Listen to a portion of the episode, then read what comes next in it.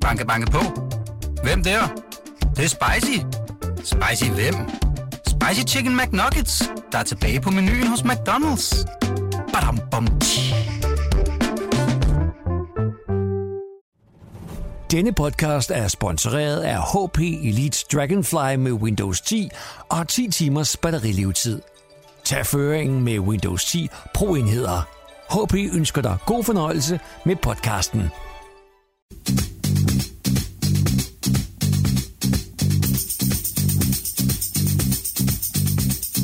Love is in the air.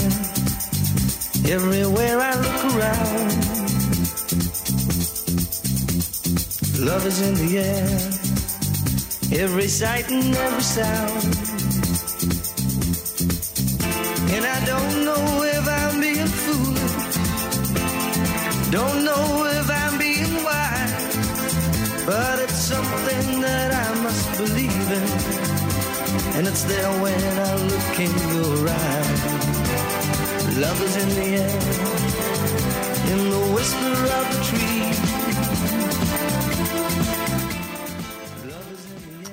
Jeg synes altså, det her gamle Love is in the Air hit fra 1978 med John Paul, John Paul Young, det på en eller anden måde øh, rammer det besøg, øh, vi havde fra den amerikanske udenrigsminister Anthony Blinken øh, ret godt ind, Mads, fordi der var sådan noget, nej, hvor er det dejligt, at du er kommet til Blinken, og hvor var det egentlig forfærdeligt med ham, der var der før.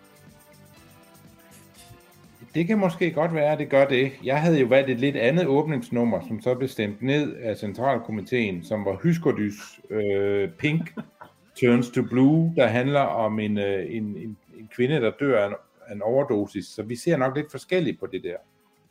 Jamen, det er alligevel lidt, vi, vi, vi er lidt i samme spor, fordi hvis vi nu husker tilbage på sidste år, da Mike Pompeo han var det var sådan lige efter, at øh, daværende præsident Trump øh, berømt, berygtet, skal man måske sige, havde tilbudt at købe Grønland. Der var der ikke sådan varme følelser omkring Pompeo, men da Blinken han var der forleden dag, der rullede vi hele menageriet ud øh, fra dansk side, alt det vi kan, om jeg så må sige, fordi øh, der var besøg på Marienborg hos statsministeren, der var besøg på Amalienborg hos dronning Margrethe og kronprins Henrik, øh, undskyld, kronprins Frederik, og derefter var der øh, så selvfølgelig møde øh, i Udenrigsministeriet, så man kan sige, Mads, det kan man vel godt sige, uden at, uden at sige for meget.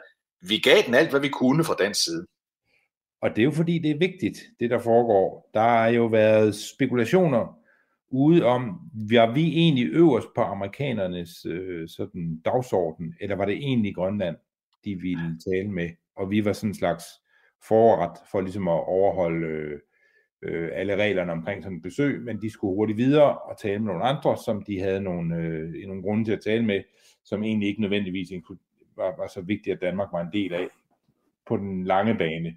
Det, det er sådan derfor, jeg valgte det nummer, der handlede om en, om en, en pige, der dør af en overdosis. Øh, fordi vi, vi, vi er frygtelig afhængige af amerikanerne, når det handler om sikkerhedspolitik. Vi ville også blive rigtig ked af det, hvis amerikanerne er i gang med at øh, manøvrere rundt med os i forhold til øh, rigsfællesskabet. Ja, og, og derfor kunne vi jo også se, at, øh, at øh, den danske øh, udenrigsminister Jeppe Kofod, da han holdt mødet med Blinken, ja, der første del af mødet, det var sammen med øh, udenrigsminister, jeg så må sige, fra, fra, fra Færøerne og fra Grønland, og det så ud som om, det var fordi, at det ville, det ville amerikanerne gerne have, for uden at sådan ville grønlænderne og færingerne også gerne have det. Så, så, så, så, så vi kunne godt mærke det der med, at, at, at, at hvad nummer var vi egentlig. Men ved siden af det, så var der jo sådan en lille triumf i forhold til de skandinaviske lande, fordi øh, der har været sådan lidt skamysler om, hvorfor har Joe Biden ikke ringet øh, hvor, hvorfor har der ikke været sådan et hurtigt officielt opkald fra Joe Biden til øh, Mette Frederiksen, den danske statsminister, det var Harris, vicepræsidenten, der, der, der, der ringede først. Nu får vi så besøget øh, fra udenrigsministeren først, men du har jo helt ret, Mads. Det skyldes jo, at vi har en meget stor ø oppe i Nordatlanten. Ja, og, øh, og, og man, i lang tid tror jeg, vi brugte en del kræfter på herhjemme at sige, at det var sådan noget, der var skørt omkring Trump. Men jeg tror ikke, man skal undervurdere, at amerikanerne faktisk øh, siden Harry Truman har opfattet øh, Grønland som noget, de havde adgang til sådan på nærmest de vilkår, de selv måtte, måtte diktere, øh, men at det selvfølgelig var fint at lige informere Danmark om, hvad man havde tænkt sig øh, derop. Og Trump tog det til sådan en radikal udgave, den her amerikanske opfattelse af, at Grønland, i, hvis man kigger på en, hvis man kigger på en, en globus, så skal man jo også øh, ligesom, indser man jo hurtigt, at øh, der er nogen grund til, at USA er interesseret i Grønland, og det ligger ligesom i deres øh, interessesfære, det ligger på, på deres halvdel af, af, af, af kloden og så videre, så der er alle mulige grunde til, at, at, at USA selvfølgelig altid har forholdt sig til det her. Øh, Trump tog det så bare øh, og i tale satte det på sådan en, en, en lidt skør façon, øh, og, øh, og, og det var godt, at man, at man sagde fra over, over for det, men det, derfor kan der jo godt under det være en, øh, en større sådan forståelse for, hvad Grønland er for en størrelse hos amerikanerne, som ikke nødvendigvis er den, vi deler i Danmark. Nej, og det der selvfølgelig var tale om, som alle kan huske, det var, at præsident Trump direkte sagde, at han var interesseret i at købe øh, Grønland. Altså ikke bare øge interessen i Grønland, altså oprette konsulater, eller hvad man nu ellers skulle forestille sig, men slet og ret øh, købe det. Og det blev adresseret... Ja, lidt, ja, han havde jo lidt en opfattelse af, at, at han sådan spillede masse og nu var han landet på det felt i Grønland, og så synes han ikke, der er nogen, der har bygget hoteller her, så han tænkte, den køber jeg, hvis det er muligt, og det var det så ikke. Nej, og han havde jo inden da i øvrigt også ytret ønsker om at oprette hotelbusiness, som han også så et stort marked i ude i Nordkorea, og nu havde han så mulighederne i Grønland. Og så skal vi lige huske på, øh, Mads, sådan i den store amerikanske historie, der står Jefferson, præsident Jefferson, jo som en af de helt store, blandt andet fordi han opkøbte det såkaldte Louisiana-territorium med kæmpestort areal øh, i det nuværende USA. Hvis nu Trump havde fået købt Grønland, så vil han jo også øh, i al evighed stå i historiebøgerne, alene af den årsag. Ja, ja, det ville være øh, en, øh, en, en, noget af en bedrift. Jeg er ikke sikker på, at han ikke er klar over, hvad det var, han øh, bød ind på, men, øh, men pyt med det. Lad os lige høre, fordi øh, Johannes Langkilde fra Danmarks Radio, han interviewer Anthony Blinken, og der har de lige en lille kort øh, udveksling, der handler om det her med Grønland. Mr. Secretary, does the US still want to buy Greenland? I'm focused on, on, on looking forward, uh, and the short answer is no. Ja, det korte svar er nej. Vi er ikke længere ude på at købe Grønland. Men så fortsatte han, uh, Mads, på det du i virkeligheden var inde på lige før, nemlig med en, en lang udredning om, hvordan samarbejdet mellem USA og Grønland skal intensiveres i de kommende år. Det handler om handel, det handler om sikkerhed, det handler om kultur, han nævnte, det handler om turisme. Han nævnte utrolig mange områder, hvor han sagde, at uh, her har Grønland og, uh, og USA altså noget til fælles. Og det er der, vi skal spidse ører, fordi det Blinken siger, det er, vi kommer ikke til at lave sådan en demonstrativ øh, magtoverdragelse ved, at vi sådan overtager Danmarks forpligtelser i rigsfællesskabet. Vi gør det selvfølgelig indirekte, stille og roligt presser vi jer ud. Ja, og det kan man jo så bryde sig om eller ikke bryde sig om, men vi kunne jo også se, at, øh, at, øh, at, at, at især den, den grønlandske repræsentant på, på mødet øh, i København øh, glædede sig meget til at, at, øh, at, at indlede et, et stadig tættere samarbejde med den, med den, med den amerikanske udenrigsminister og i den, med den amerikanske regering øh, i det hele taget.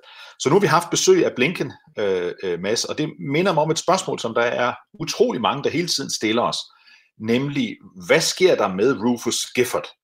Øh, hvad sker der med en ny ambassadør fra USA i Danmark, og hvad sker der med Rufus Gifford? Det er sådan et spørgsmål, der går igen og igen, og det bliver aktualiseret af, at Blinken han var her. Det vi ved, Mads, det er, der er ikke kommet nogen ambassadør fra USA til Danmark endnu. Det er der ikke, øh, og øh, vi ved også, at Rufus Gifford er en mand, der er meget populær i Biden-administrationen. Øh, det er noget, et arbejde, han har grundlagt helt tilbage, da han samlede penge ind for Obama, og han fortsatte jo ved at melde sig på, på Biden-holdet, da øh, Biden-holdet var et, man skulle melde sig på. Lad os bare sige det på den måde. Så, øh, og det er jo sådan, at, øh, at nogle ambassadørposter ude i verden bliver fordelt fra amerikansk side efter sådan et princip om, hvem har fortjent at få en ambassadørpost. Og der kan man bare sige, at, at Gifford har i hvert fald gjort sig fortjent til at få noget. Ja. Og det de amerikanske medier spekulerer i, at han skal have, men som ikke er afgjort endnu, det er at være head of protocol, som det hedder, altså chef for protokollen i det hvide hus.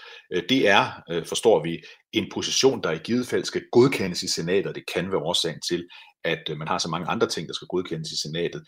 Man er ikke nået til den her endnu, og vi må vente på, hvem der bliver hvem der bliver den nye ambassadør. Indtil videre er det deres næstkommanderende, en karrierediplomat, der styrer, øh, der styrer butikken. Men vi skal nok vende tilbage, når vi ved mere om enten Rufus Gifford eller om hvem der bliver øh, USA's øh, ambassadør i, øh, i, øh, i Danmark. Vil du være forleden dag, så, så var Joe Biden oppe i, øh, i Detroit, oppe i Michigan, for at tale om øh, bilindustri, for at tale om, øh, om øh, elbiler, han gerne vil promovere. Og prøv lige at høre et, et, et, et klip herfra, hvor jeg jo næsten synes, at, at Biden kunne lyde, som om han var præsident Trump. Det handler om at købe amerikansk. Folks, when I got elected, I signed an executive order saying we're going to buy American. As president, I get to award contracts in the area of 600 to 700 billion dollars a year. From building aircraft carriers to railings that go in in buildings. Guess what? Representative Kildee knows I'm not letting a single contract to a single company that does not hire Americans, have all American parts, and has a supply chain that is an American product supply chain. And by the way, that's not violating any trade agreement. It's been the law since the 30s, but no one's had the courage or the nerve to insist on it being applied. Jeg kan jo ikke godt høre, hvad jeg mener, Mads. Det her kunne næsten lige så godt være, være forgænger øh, Trump, der talte. Men jeg tror også, det har været en af vores pointer gennem længere tid, at øh, det, der er øh, Trump-dagsordenen, og det, der skabte Trump i sin tid, er jo ikke en dagsorden, der forsvinder, fordi Trump ikke er præsident længere.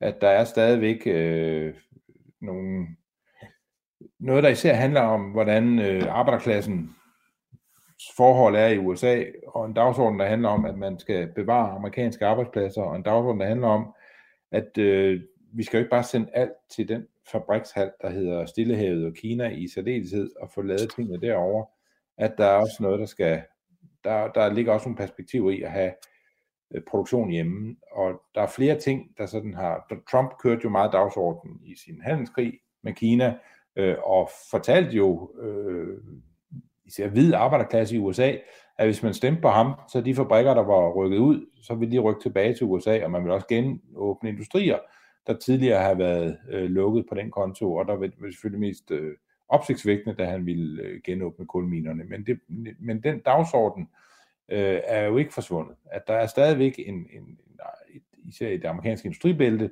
mange, mange, mange hundredtusinder af mennesker, millioner, der har været øh, vant til at, at, at at arbejde forskellige steder i, i industribæltet, og som øh, har en, en drøm om, at, øh, at, at man kommer tilbage til en tid, hvor industriproduktionen havde brug for deres hænder øh, i USA. Og de, de ved jo godt, det kræver, at man køber amerikansk, og at man, øh, at man øh, producerer amerikansk, hvis det skal være dem, der skal øh, nyde godt af amerikanske produkter. Der er utrolig mange amerikanske produkter, som der står Made in China bagpå. Altså det er designet, det er udviklet og det er tænkt i USA, men det er lavet et andet sted.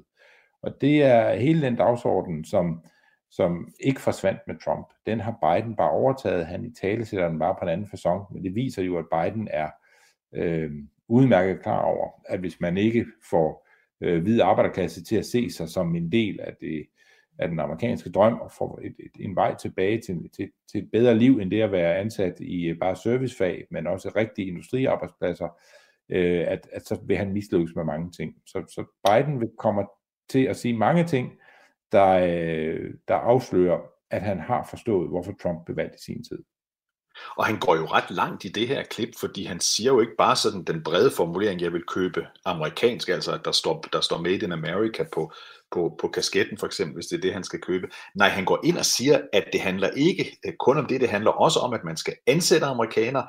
Alt, der indgår i varen, skal være amerikansk. Og de produ- altså produktion, der er nået frem til, til, til, til de her parts, der kommer der, også inden da skal det være noget, der er foretaget af amerikanere. Så det er jo også et signal, det er også et signal til alle de europæiske, inklusive danske virksomheder, øh, som gerne vil eksportere ind i USA, eller som gerne vil oprette en virksomhed i USA, at, øh, at den her øh, tendens til, at man skal placere sine, sine fabrikker, sine produktionsvirksomheder i de amerikanske delstater, øh, den øh, øh, havde øh, Trump et stort nummer, gjort Trump et stort nummer ud af det, er åbenlyst, at, øh, at, at Biden han kører videre med den.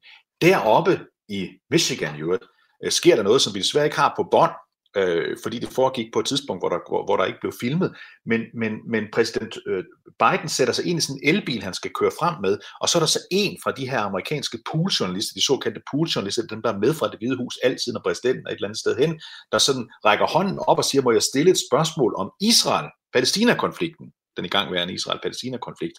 Og så siger øh, Biden øh, øh de berømte ord, øh, nej, øh, det må du ikke, medmindre du stiller dig op foran bilen, når jeg kører. Og så griner han, og så siger han, I was only kidding. Det var kun for sjov. Og på en eller anden måde, hver gang jeg ser sådan nogle klip, så tænker jeg på, vi ved jo alle sammen, hvad der ville have været sket, hvis det havde været Trump, der havde sagt det samme. Så havde det været forfærdeligt, at Trump havde sagt de her ting. Men Biden slipper altså afsted med mange ting, alene fordi han ikke er Trump. Hvis man er venstreorienteret, må man godt tro journalister på livet. Det må man ikke som højreorienteret. Sådan har det bare altid været. ja, det har det. Og det er det stadig. Og det er det stadig. Øhm, vi skal lige ned til Arizona, Mads, øh, fordi vi talte jo om, i, i, i de sidste par udsendelser har vi nævnt, at man nede i Arizona har en, øh, en, en, en evig krav om genoptælling af stemmerne.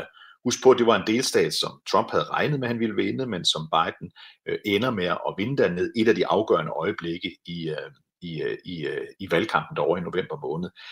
Nu her forleden dag, der gik øh, ham, der hedder Bill Gates, og det er ikke den berømte Bill Gates, men det er ham, der er formand for Maricopa County øh, øh, udvalg for, for, for valghandlingen. Han går ud og siger, nu er, det, nu er det slut, nu tæller vi ikke mere. Prøv at høre, hvad Bill Gates han siger her.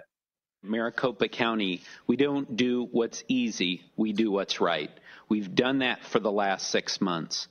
Four out of the five members of the Board of Supervisors are Republicans. We recognize, and I anticipate you're going to ask questions about this, that a large percentage of Republicans believe that the election was stolen in 2020. Uh, and that, you know, Donald Trump actually won. I want to be clear that I uh, believe that Joe Biden won the election. All right. And the reason that I feel confident in saying that, particularly in Maricopa County, is that we overturned every stone. And we have professionals, both with the early voting and the election day voting. They did everything right. We asked the difficult questions. All right. And we certified the election back in November. But now it's time to say enough is enough. It is time to push back on the big lie. We must do this. We must do this as a member of the Republican Party. We must do this as a member of the Board of Supervisors. We need to do this as a country. Otherwise, we are not going to be able to move forward and have an election in 2022 that we can all believe the results, whatever they may be. Ja, nu kunne man jo så tænke, når ham her, der, der taler her, Bill Gates, han sidder i det her råd, der kigger på, på valghandlingen i Maricopa County, og han er øh, republikaner selv, og han siger, slut det her. Altså, det er åbenlyst, at Biden vandt valget. Vi har, vi har vendt hver en mulig sten. Stop det nu. Og, øhm, og, og her kan man så tænke, at så stopper de vel nok det, men det gør de selvfølgelig ikke. Øh, det her handler om at bilde folk ind i, øh, til al evighed, at der var noget, der var forkert. Og når nogen siger det modsatte, så er de også en del af fjenden. Øh, sådan har mønstret været indtil videre. Øh, men, øh, og, og det har forplantet sig til frygtelig mange republikanere. Der er mange republikanske vælgere, der er overbevist om, at der var noget ved det valg, som ikke var, som det skulle være, desværre.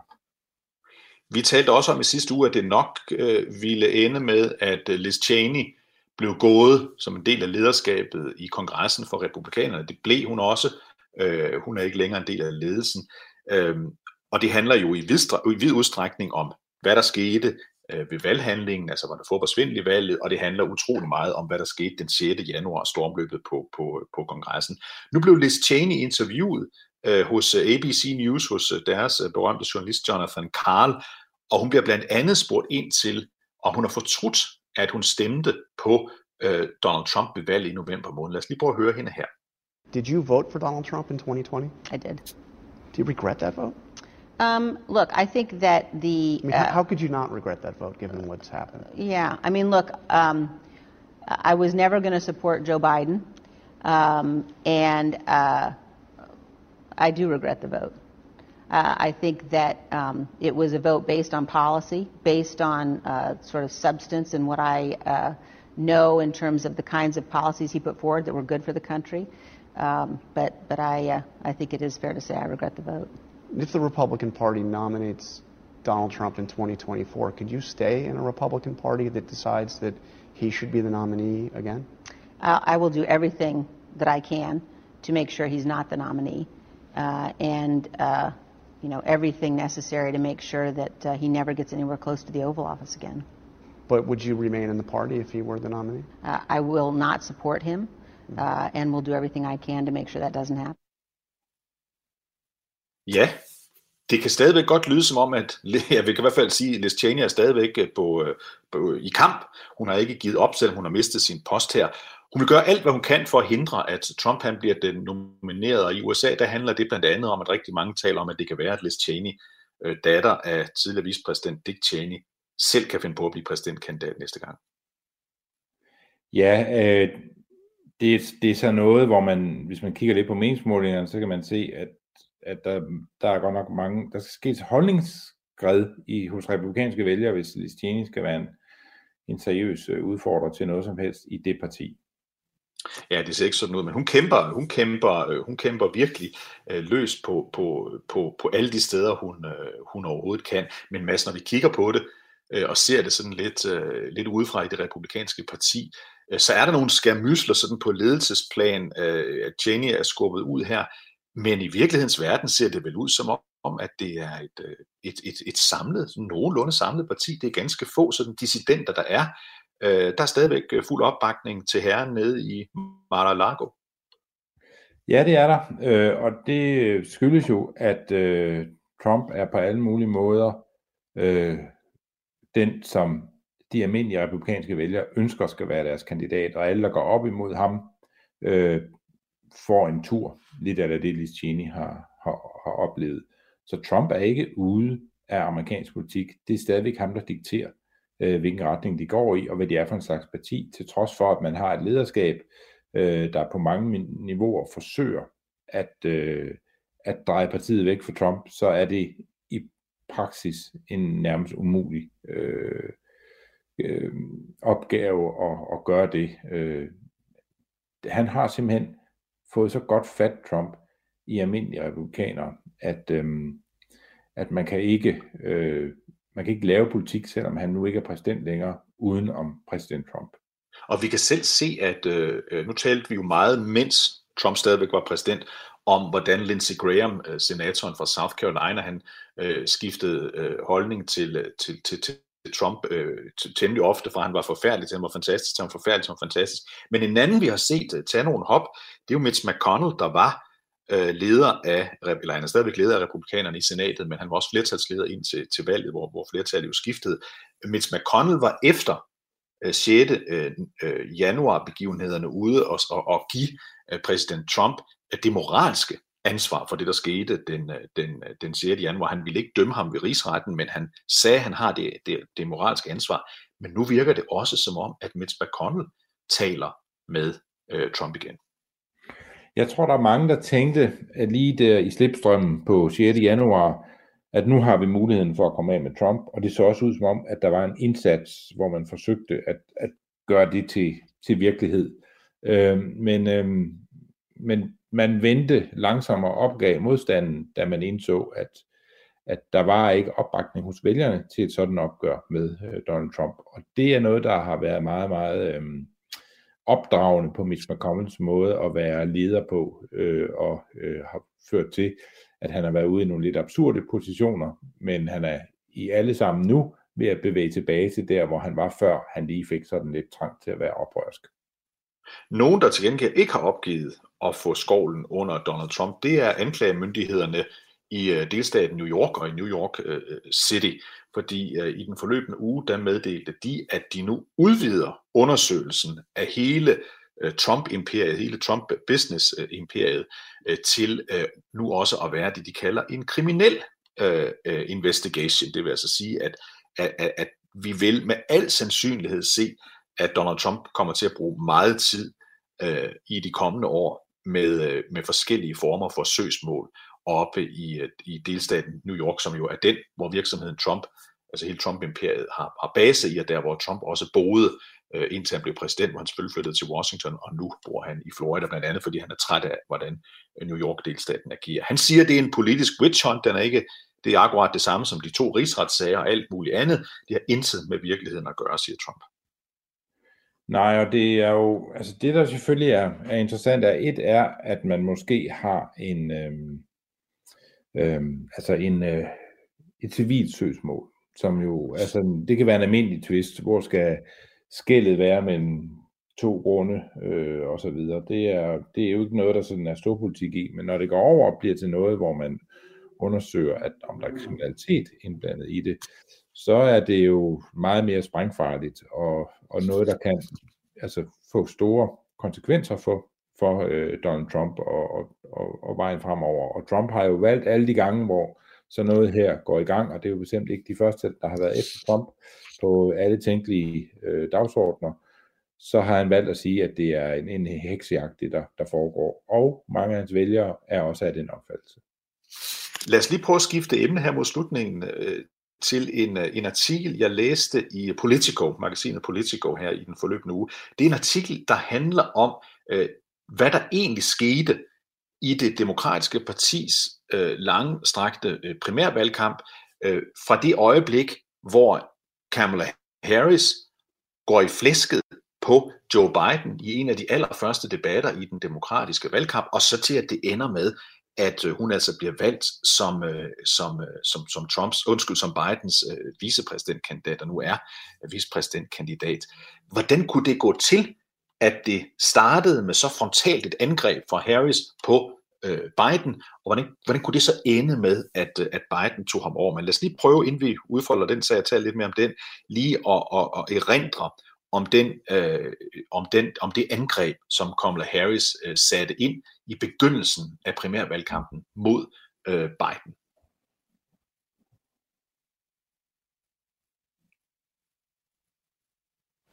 So, on the issue of race, I couldn't agree more. That this is an issue that is still not being talked about truthfully and honestly.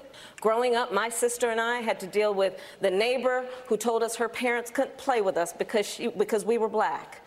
And I will say also that, that in this campaign, we've also heard, and I'm going to now direct this at Vice President Biden. Um, I do not believe you are a racist.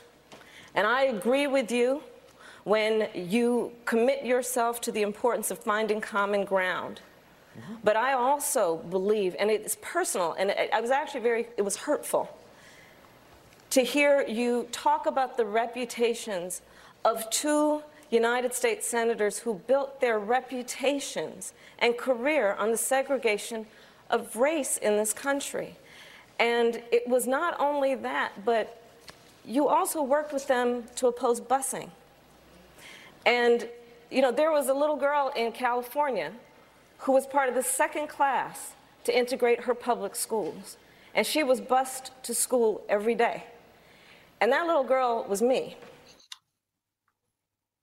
Ja, vi kan godt huske det øjeblik, Mads, fordi det var sådan et øjeblik, hvor, hvor dels Biden blev rystet, men hvor vi også lige kortvarigt tænkte, at det kan være, at hende her, Kamala Harris, hun faktisk øh, kan blive en trussel mod Bidens chance for at blive, øh, for at blive præsidentkandidat på det her tidspunkt. Man troede måske, mange troede, hun måske endda kunne ende med at få nomineringen efter det her øjeblik.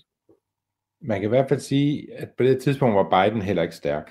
Øh, og, øh, og det, at han blev, blev angrebet her, fik jo mange af os til at tænke, at, øh, at hun gik efter at være sådan den moderate kandidat. Hun skulle bare skubbe Biden til side. Øh, det var et, øh, et af de her øjeblikke, hvor altså hun havde i starten jo nogle debatter, der var så gode, at hun pludselig skrev sig ind som øh, en af favoritterne. Indtil det hele så underligt kollapsede, og man havde de her historier om, øh, om kampagnekontorer øh, i New Hampshire osv., der ikke var bemandet længere i Kamala Harris-lejren, fordi det var der ikke råd til osv. Så, videre. så det, der skete et skifte der. Øh, men men det er da helt klart noget, der har, altså må ikke det har været op og vende et par gange, det her, i samtalerne mellem de to lejre, da, da, man, da man skulle finde ud af, om Kamala Harris ville passe ind på øh, Joe Bidens øh, hold, når man skulle stille op øh, med, med hende som vicepræsident. Det, det, øh, det vendte man jo meget tilbage til. Det skal så siges, at sidenhen, der skruede hun noget ned for retorikken øh, over for Biden faktisk. Så jeg tror, hun efter det her angreb ikke førte til, at hun blev sådan en rigtig spidskandidat og nok ikke fik fat i penge nok til at øh, kunne, kunne fastholde en seriøs øh, at være en seriøs udfordrer, at hun så valgte den strategi at sige, nu lægger jeg langsomt, uden man opdager det, min æg Bidens kurv, og så håber jeg, at han kigger i min, til, i min retning, når der skal, øh, når der skal findes en vicepræsident. Og hvis det var hendes strategi, så øh, fik hun jo rigtig meget ud af sin primærvalgskampagne. Og noget af det, som Biden, han, øh, der overhovedet øh, årsagen til, at, at, at, at Harris kom med det her angreb med ham, på ham øh, på det her tidspunkt, det var, at han i et par udtalelser op til den her debat, sådan der i slutningen af 2000 og, og, øh, og, 21, undskyld, og, og 19, der, der begynder han at, at, at, at tale venligt og positivt om et par øh, senatorer, som han havde arbejdet tæt sammen med, da han er ung øh, senator i 1970'erne, nemlig dels øh, øh, James Eastland, som var fra Mississippi, og øh, dels Strom øh, Thurmond, øh, to sådan, øh, altså folk, som Harris øh, sagde, at hvis de havde fået lov til at bestemme alt, hvad der foregik i USA, så ville hun aldrig nogensinde kunne være blevet valgt til senator, fordi de simpelthen gik ind for, for, for segregering og raceadskillelse, de her to herrer. Så hun var personligt fornærmet over det. Det er derfor, hun kommer med angrebet, og hun gør det, forklarer de i den her Politico-artikel, øh, lige præcis fordi hun kan se, at, at hun ved godt, hun er ved at have lavvande i sin øh, kampagnekasse. Hun ved også godt, at den eneste måde, hun kan ende med at blive præsident på, det er, hvis hun på en eller anden måde kan få rystet Biden så meget, at han øh, dummer sig og falder ud øh, af valgkampen. Det var den eneste håb, øh, hun havde, fordi hun kunne se, at der var ingen vej, øh, anden vej, øh, fordi hun var mere moderat end, end, end Elizabeth Warren og end Bernie Sanders, så den eneste vej, det var at knock out ham. Det lykkedes så ikke øh, i den her debat, og så går den proces i gang. Øh, du nævner, Mads, den proces, der handler om at få, få sig talt ind på, på Biden igen. Og så fra Bidens side, det synes jeg er det interessante i den her politikoartikel, ja, der går det op for Biden-lejren, at de har et problem, hvis ikke de kan tiltrække nok af alle minoritetsvælgerne, og derfor begynder de også at se på hende som den person, øh, der kan betyde, at den her slags angreb ikke længere kan komme.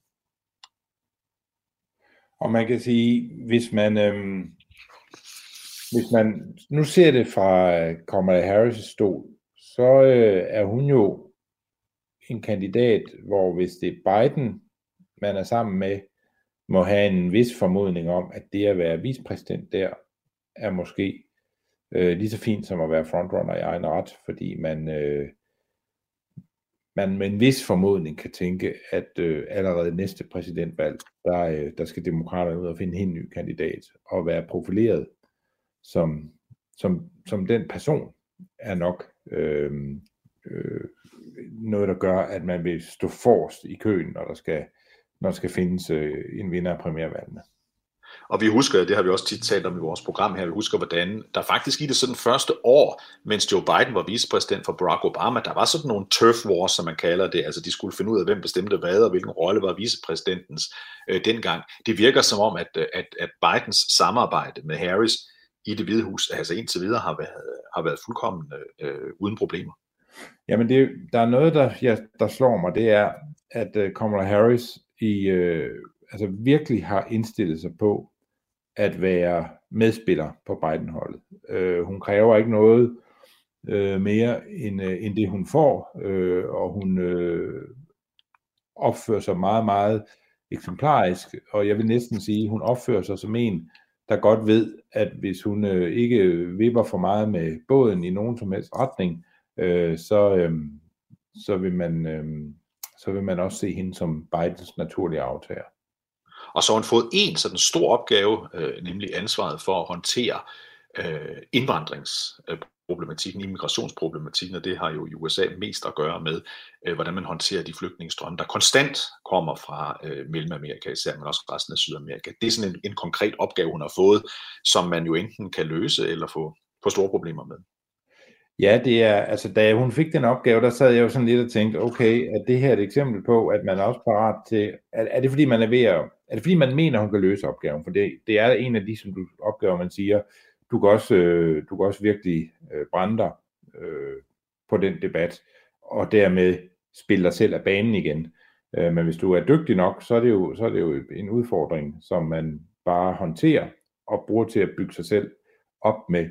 Men det, altså, det er ikke nødvendigvis en venlig handling, at hun har fået øh, det politikområde. Jeg er ret sikker på, at hvis hun selv kunne vælge, ville hun have valgt noget, som gjorde, at man bare styrkede hendes profil, uden at hun blev skubbet ud i, øh, øh, på en kontroversiel dagsorden. Fordi hun kommer til at skulle være talskvinde for, at man øh, blandt andet adskiller øh, øh, asylanter fra deres børn nede ved, ved, ved den øh, amerikansk-meksikanske grænse osv. Det, det er sådan noget, som, som øh, ikke øh, er, er en god dagsorden at være markeret på på demokraternes venstrefløj.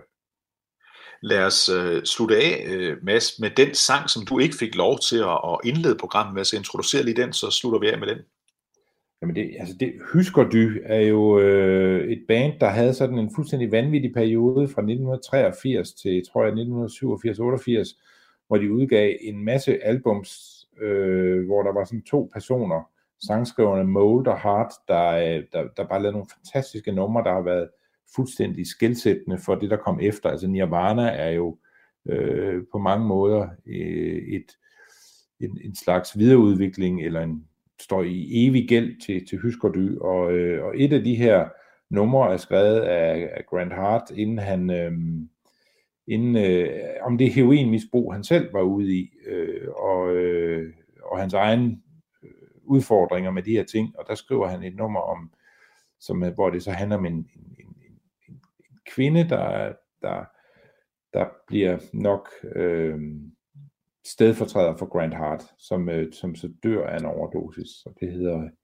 øh, øh, Pink Turns Blue, øh, som jo, ja, det er jo nok en titel, der giver sig selv.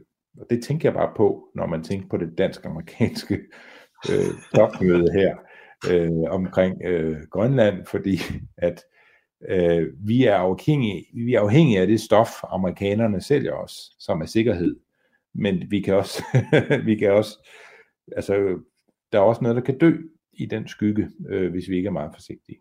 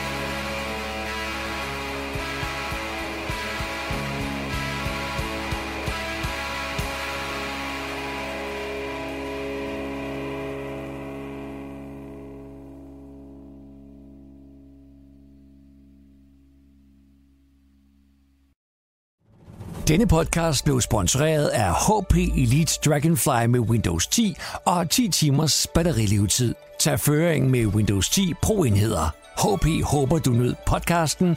Vi ses igen på hp.com.